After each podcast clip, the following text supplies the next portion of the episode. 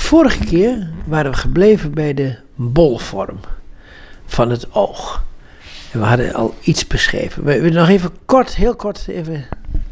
Nou ja, we hebben eh, vorige keer uh, ook even gehad over een aantal functies van het zien.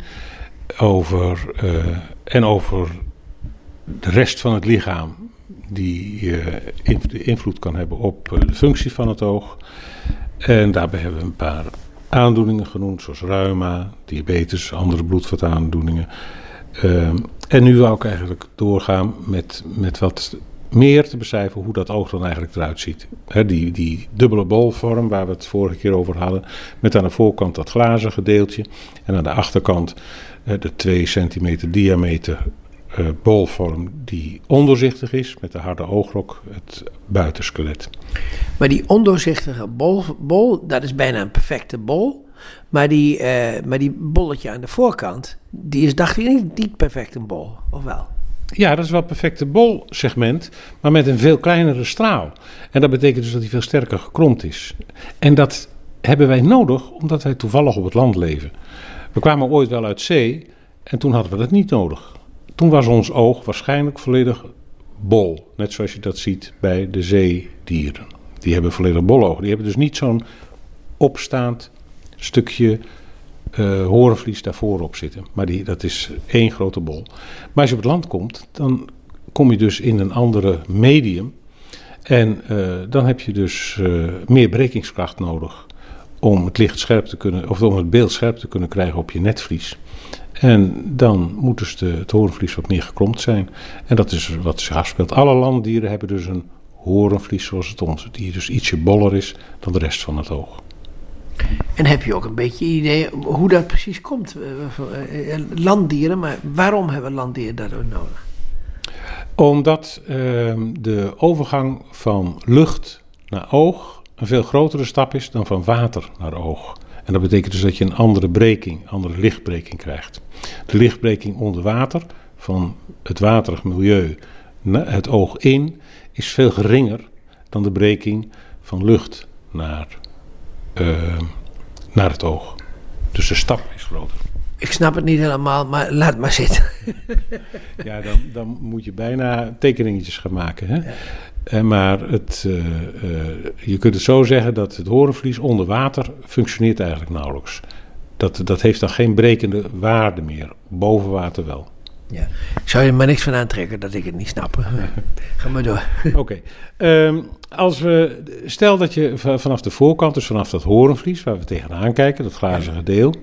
Overigens zie je daarnaast zie je een beetje wit. Dat wit wat je ziet is het, is het uh, de harde oogrok. En daaroverheen zit nog een heel, heel dun vliesje, het bindvlies. Daar zitten bloedvaatjes in. De sclera zelf, dus het, het, de harde oogrok zelf, heeft geen bloedvaten. Mm -hmm. En het horenvlies natuurlijk ook niet, want anders zou het niet doorzichtig zijn. Dat horenvlies, als je daar een deurtje in zou maken en je zou het oog binnenstappen, dan kom je in de voorste oogkamer. Dat zit dus direct achter dat horenvlies. Dat is een klein kamertje, een kleine ruimte van 3 mm diep ongeveer. En die wordt uh, aan de binnenkant, dus aan de buitenkant wordt die afgesloten door het hoornvlies. En aan de binnenkant wordt die afgesloten door de iris of het regenboogvlies. Het, dat deel van het oog dat de oogkleur bepaalt. Hier, uh, en uh, hier, hier in deze streken komen nog wel eens blauwe ogen voor. Maar de meest voorkomende kleur is toch bruin bij mensen. De meeste mensen op de wereld hebben bruine ogen. De blauwe ogen zijn dik in de minderheid. In die uh, iris, daar bevindt zich het, een, een, gaatje, de pupil. Die wordt groter en kleiner naarmate er meer of minder licht in het oog valt. En direct achter die pupil ligt de lens. En die lens die is, er, uh, die is in staat om het oog op verschillende afstanden scherp te stellen. Hè, dat is een soort uh, zoom, zou ik maar zeggen. Nee, niet, ik mag niet zeggen. Accommodatie heet dat. Ja, accommodatie heet dat. Nee, zoom is niet het juiste woord. Want het maakt het niet zozeer groter als kleiner. Het, het, uh, het, geeft, het kan een beetje extra breking uh, geven aan het oog. als het op maar, de, maar, maar stelt de lens in, net zoals op een uh, fotoapparaat, toch? Ja, nou ja, je kunt ook zeggen, het, het menselijk oog uh, heet ook niet voor niks een cameraoog. Het lijkt op een camera. Hè, we hebben een, een objectief, dat is het hoornvlies. We hebben een instelbare lens, dat is de lens. En we hebben een donkere kamer, dat ligt achter de lens. Dat heet in, de, eh, in het oog is dat het glasvocht, het glasachtig lichaam. En we hebben een gevoelige laag, dat is het, uh, het netvlies. Waar het, het beeldje op gepro geprojecteerd, gemaakt wordt. En dan om het in uh, te verwerken, hebben we ook nog een, een USB-kabel. dat is de oogzenuw. En uh, die voert het naar de computer en dat zijn onze hersenen. Dus okay, de tegenwoordige ja. digitale camera past helemaal prima in het plaatje. Uh, dus we hebben een camera-oog. En inderdaad, de pupil is het, diafrag uh, is het, is het diafragma van het, van het camera-oog.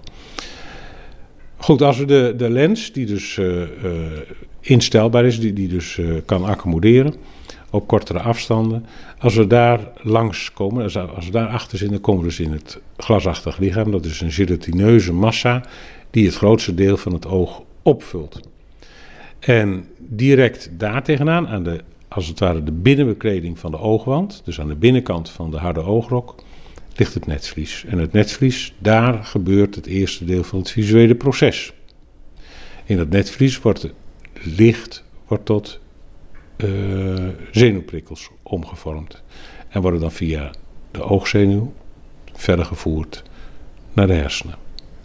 Maar nu is dat net, netvlies is al een heel ingewikkelde toestand met meerdere lagen, geloof ik, hè? Ja, ja, ja, want niet alleen het netvlies, maar onder het netvlies ligt nog een laagje. Dat is het, het vaatvlies. Dat heet zo omdat het vol zit met bloedvaten die uh, belangrijk zijn voor uh, de verzorging van het netvlies maar in het netvlies zit, zit, inderdaad een aantal laagjes.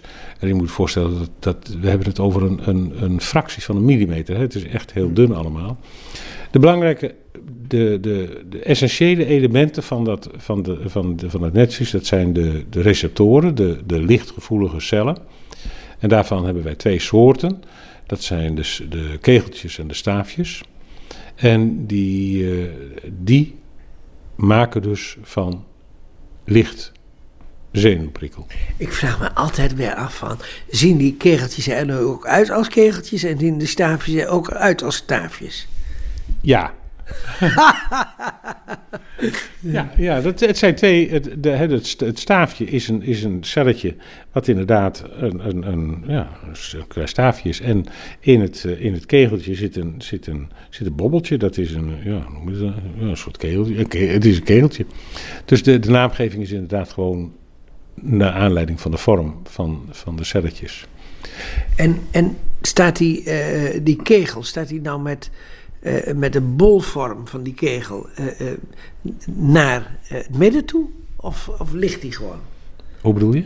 Nou, hoe, is die, hoe, hoe staat die namelijk? Het merk, ja, ja, ik begrijp wat je bedoelt. Het merkwaardige van, van, de, van de menselijke retina is, van de menselijke netvlies is, dat het meest gevoelige deel, dus waar, waar, waar je het licht op moet vangen, ligt het verste weg. Hè, dus helemaal achteraan de, de, ligt het opvangdeel, het lichtopvangdeel van, van de kegeltjes en de staafjes. Dus, maar is dat het gebied, dat is het gebied de macula of de gele vlek? Nee, dat is over de hele retina. Oh, de hele retina. Ja, ja. dus het licht moet eerst door het hele netvlies, voordat het uiteindelijk het lichtgevoelige deel van de staafjes en de kegeltjes bereikt. Maar hij, moet ook door, door, het glasvochtig deel. Ja, ja, daar komt hij binnen. dus het licht komt binnen via, de, via het hoornvlies, de lens, het glasachtig lichaam, treft dan de, de retina, het netvlies, maar moet ook eerst door die hele retina heen, waar zenuwweefsel, schakelcelletjes, weet ik wat allemaal in zitten en bloedvaatjes, om dan uiteindelijk op het laatst de, uh, uh, die, de, de, die, staafjes, die staafjes en die kegeltjes te bereiken. Daar wordt dus de, de, de, de zenuwprikkel ge, gemaakt. Maar, maar dan moet dan het, het hele netvlies moet in feite transparant zijn. Dat is het ook. Hè? Maar ja, er zitten wel allerlei structuren in. Maar, hoe kan het, maar, de, maar dan moeten bloedvaten, dan moet, ik weet ja, niet wat allemaal moet, ja, moet er zitten. Die kun je ook zien, uh, Sjors. Als jij, uh, de, althans, je oog moet, moet wel redelijk kunnen functioneren, maar vaak uh, lukt dat wel. Als je met een hele felle lamp wat beweegt naast je oog, hè, dus in, tegen het wit van het oog, dus niet in het oog direct schijnen, maar in het wit, dan zie je op een goed moment een patroon van streepjes voor je, voor je geestesoog verschijnen, zal ik maar Ja, zeggen. ja. Dat zijn, is de afbeelding van de, net, de netvliesvaatjes, van de bloedvaatjes in het netvlies. Daar kijk je gewoon Een doorheen. streep is, is dat een soort, soort netwerk, een honingraam? Ja, ja, ja, het netvlies heet Zoiets? niet voor niks netvlies.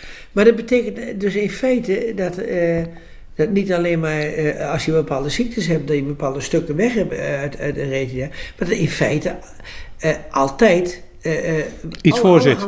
Alle, Alles die voorzitten, voorzitten, ja. die, die de hersenen moeten opvullen.